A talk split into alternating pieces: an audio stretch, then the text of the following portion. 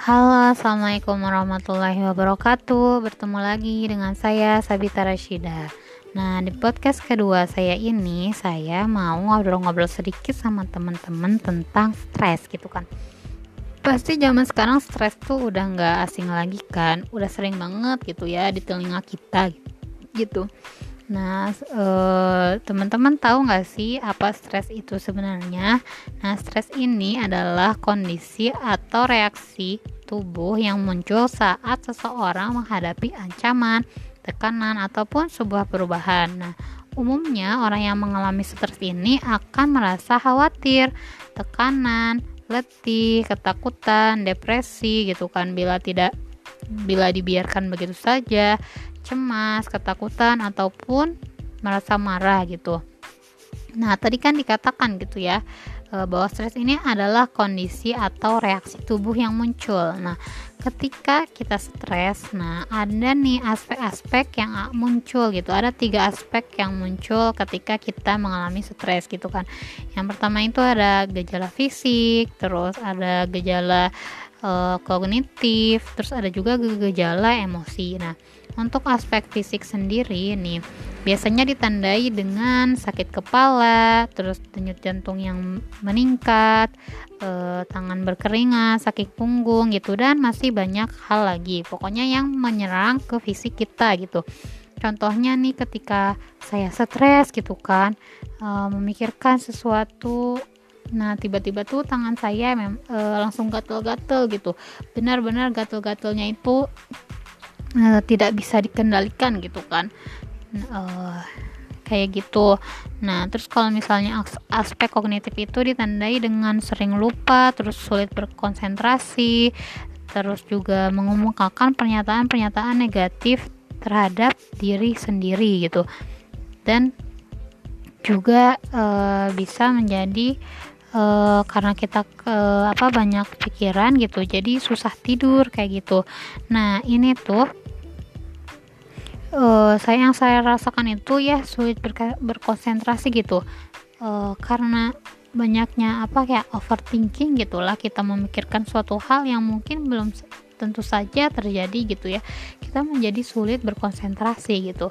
Jadi misalnya kita ketika kita sedang belajar gitu tapi uh, kita kepikiran dengan masalah-masalah kita kita jadi sulit untuk berkonsentrasi gitu nah terus juga ada aspek emosi gitu ditandai dengan sikap mudah marah cemas dan cepat panik, terus sering menangis, terus ketakutan gitu kan, dan mengalami peningkatan konflik interpersonal. Nah, ini yang saya rasakan kalau misalnya dari aspek positif ini ya semuanya gitu kan, apalagi cemas gitu ya. Saya tuh mudah banget nih buat cemas gitu. Apa kalau ada apa-apa sedikit saya pikirkan terus jadinya cemas gitu kan, panik, terus uh, ya pokoknya uh, saya jadi suka menghindar dari orang-orang gitu kalau misalnya saya lagi stres itu saya lebih menghindar gitu dari orang-orang jadi sedikit berbicara gitu kan nah sebenarnya itu adalah hal yang wajar gitu kan. Jika stresnya dia dalam tahap yang wajar gitu kan. Uh, kemudian apa sih yang bisa eh, menyebabkan timbulnya stres gitu? Ada faktor internal dan eksternal. Kalau faktor internal itu dalam diri kita sendiri gitu kan. Yang disebabkan oleh misalnya gaya hidup gitu gaya hidup yang misalnya kecanduan dengan minum minuman yang mengandung kafein gitu. Nah itu termasuknya internal gitu. Terus dia mengkritik diri sendiri ya kan suka ngeritik diri sendiri ah aku mah nggak bisa lah udah pasrah aja gitu kan. Nah kayak gitu. Terus melakukan analisis, analisis yang berlebihan misalnya gitu kan. Ah nanti kalau misalnya aku uh, ngelakuin ini nanti orang lain kayak gini lagi terus nanti aku gimana dong gitu kan pokoknya analisisnya tuh kepanjangan padahal belum tentu nih analisis kita ini bener kayak gitu Nah, terus ada juga nih faktor eksternal. Nah, faktor eksternal itu da dari luar, misalnya faktor dari luar diri. Misalnya kayak uh, ya interaksi sosial gitu kan. Misalnya uh, kalau kita lagi banyak tugas, terus deadline-nya itu deket-deketan, terus kita jadi stres, terus ya jadi bingung lah gitu. Aduh ini banyak banget sih tuntutan gitu. Aku harus apa gitu kan. Terus uh, atau juga misalnya kayak peraturan-aturan gitu ya. Misalnya aturan-aturan yang nggak sesuai gitu sama diri kita. Misalnya aduh ini nggak sesuai nih sama diri aku gitu kan. Gimana nih kayak gitu nah gitu. Uh, pokoknya stres ini sebenarnya um, ya stres ini sebenarnya baik apabila kita dapat uh, menangani stres kita gitu.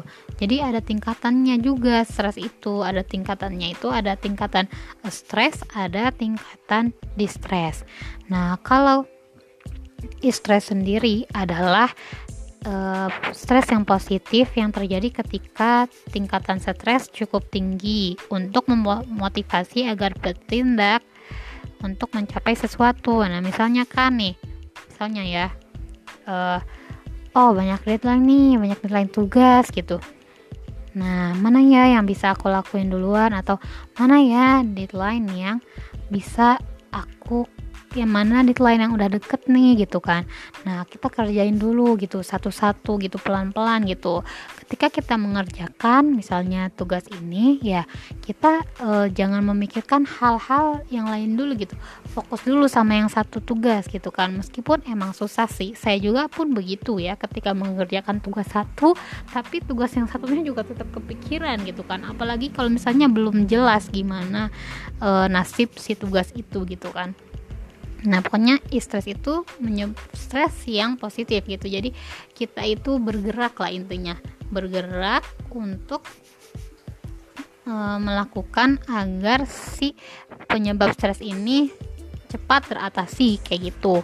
Nah, kalau misalnya e, stres ini adalah e, stres e, atau stres negatif terjadi ketika tingkatan stres terlalu tinggi atau terlalu rendah dan tubuh dan pikiran kita mulai menanggapi stresor dengan negatif gitu kan. E, di stres ini di lain pihak merupakan stres yang mengganggu kesehatan dan sering menyebabkan ketidakseimbangan antara tuntutan stres dan kemampuan untuk memenuhi stres itu kan jadi stres ini ya stres negatif gitu jadi karena kita merasa nggak percaya diri misalnya gitu kan akhirnya ya udah gitu. Kita jadi nggak bisa ngapa-ngapain kayak gitu. Negatif gitu kan stres negatif gitu. Nah uh, ya mungkin sekian mengenai stres gitu kan uh, apabila teman-teman sering merasa stres nah itu adalah hal yang sangat wajar gitu. Ketika kita merasa stres gitu kan. Tapi kita uh, um, stres gitu. Tapi apabila stres ini dibiarkan gitu kan ini akan menjadi suatu yang tidak baik. Bisa menjadi depresi, kemudian frustasi atau bahkan bisa jadi bunuh diri kayak gitu. Karena stres ini gitu. Nah, ketika misalnya teman-teman di sini punya masalah atau stres gitu kan. Nah, ada baiknya teman-teman itu menceritakan gitu kepada uh, teman terdekat atau orang terdekat Anda gitu. Jangan khawatir gitu untuk menceritakan itu. Apabila susah mungkin bisa sama teman-teman uh, ditulis gitu melalui apa yang teman-teman rasakan gitu. Ditulis apa yang sedang dirasakan gitu. Setidaknya teman-teman itu menyalurkan uh, emosi-emosi negatif gitu dengan menulis kayak gitu. Seperti itu. Nah uh, ya pokoknya di sini terus jika emang teman-teman di sini merasa stresnya sudah tidak bisa ditangani sendiri atau udah berujung frustasi gitu nah teman-teman di sini bisa gitu menghubungi psikolog yang profesional gitu. Tidak usah khawatir uh, kerahasiaan Anda atau ke, ke, masalah Anda tidak akan kebocoran gitu ya. Kalau misalnya emang teman-teman takut gitu uh, insya Allah psikolog-psikolog itu baik-baik gitu kan. Karena mereka memang sudah belajar gitu kan. Memang mereka juga udah menyiapkan menjadi psikolog. Berarti tandanya uh, orang itu siap gitu untuk mendengarkan cerita anda gitu Nah, ya mungkin sekian dari saya. Semoga teman-teman yang stres atau yang kebingungan dalam mencari solusi, teman-teman bisa segera mengatasi stresnya. Uh, bisa cepat kembali pulih dan sehat gitu kan. Uh, ya mungkin sekian dari saya. Cukup sekian. Terima kasih. Semoga bermanfaat. Mohon maaf apabila masih banyak kekurangan Terima kasih, semoga bermanfaat. Assalamualaikum warahmatullahi wabarakatuh. Sampai ketemu nanti.